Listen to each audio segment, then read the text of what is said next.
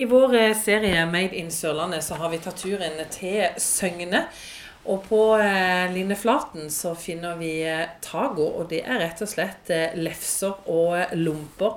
Jan Aas, du er daglig leder, og vi skal faktisk eh, langt tilbake i tid. Vi skal tilbake til 1971, for det var da dette starta. Ja, 71 så ble det starta opp med potetkake på steigtakker.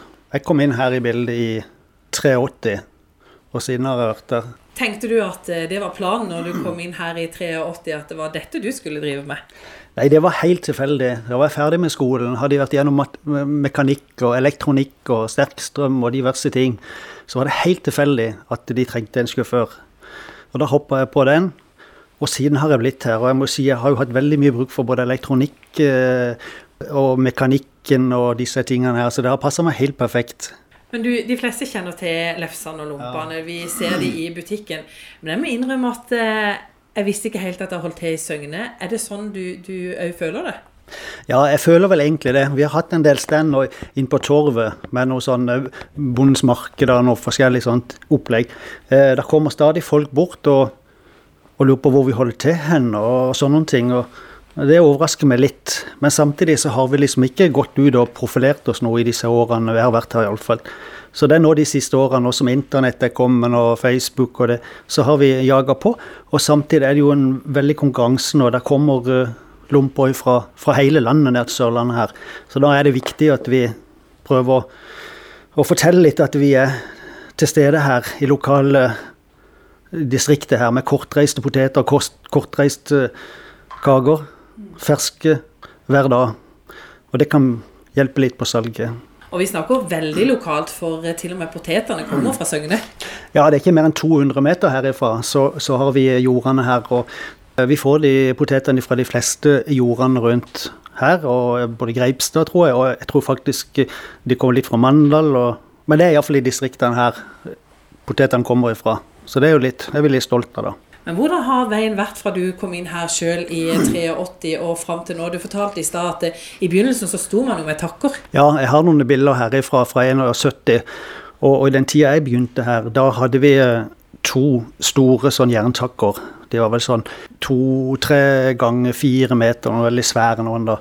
Og så sto det masse damer, kjevla ut disse lompene og la de på den steigetakka og heiv de rundt.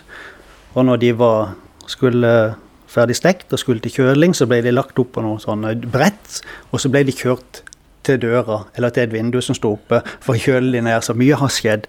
Så det holdt vi på med kanskje et år når jeg var her, etter første året jeg var her. Og så ble det investert i litt mer automatikk, større linje. Og så har jeg etter jeg begynte her, da, og nå de siste de siste seks-syv årene så kjøpte jeg et større anlegg, et finsk et, som jeg har satt inn. Så dette er det tredje anlegget vi produserer på nå. Og så er det en eh, familiebedrift.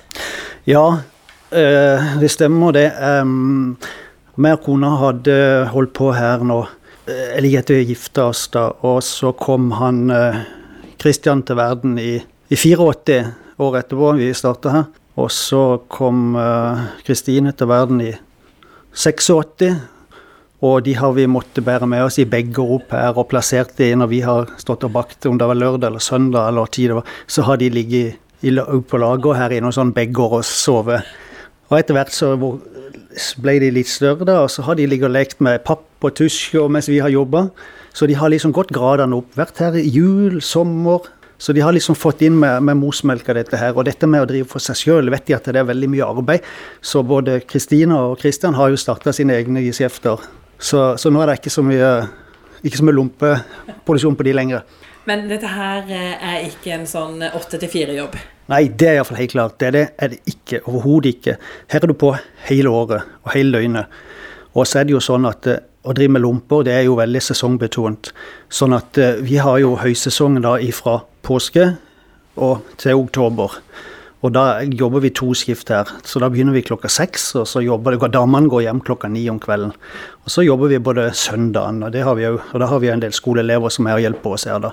Sånn at det, du, du slipper ikke unna, du må jobbe. Men så har vi jo, det er jo en del fordeler med det òg, å drive for deg sjøl. Så du kan jo liksom gjøre litt hva du har lyst til å gjøre, og justere tida di litt. Så, så egentlig er jeg veldig glad for dette her jeg har holdt på med. Men dette med lomper og lefser, vi kjenner sikkert alle til at det er ofte noe vi har med i sekken når vi skal ut på tur. Men det kan jo brukes til så mye annet enn nødvendigvis bare pølser. Ja, når jeg ser nå hva folk legger ut på Instagram og Facebook, så er det jo bare fantasien som, som begrenser dette her. da. Det er utrolig mye. Jeg ser jo folk uh, Unger er jo veldig glad i dette her.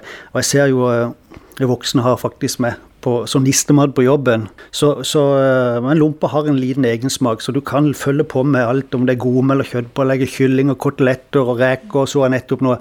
Så, så det passer til det meste. Men som du sier, det er et tøft marked. Det er stadig flere som kommer inn. og Det er kanskje litt viktig å tenke litt lokalt når man er i butikken og støtte opp om det lokale? Ja, jeg syns jo det. Det må jeg jo si. Jeg syns jo det. Å ta vare på de bedriftene vi har igjen her lokalt, og tenke på at uh, dette her genererer jo bøndene veldig. Og det er mange som drar veksler på at vi handler lokalt her. Og så er, det jo dette en ferskvare. Så den skal jo uh, håndteres, håndteres, veldig ferskt. Så, så, det å kjøpe de lokalt, det betyr mye. Det er som å ha en lokal slakter her. Er, og et lokalt bakeri, det betyr mye. Så, så jeg er veldig glad når folk uh, støtter opp om. Vi var rundt og kikka litt her i stad, bl.a. Eh, så var vi inne og så på hvor Eller en del av de potetene du, du bruker. Hvor mye poteter bruker du egentlig i året?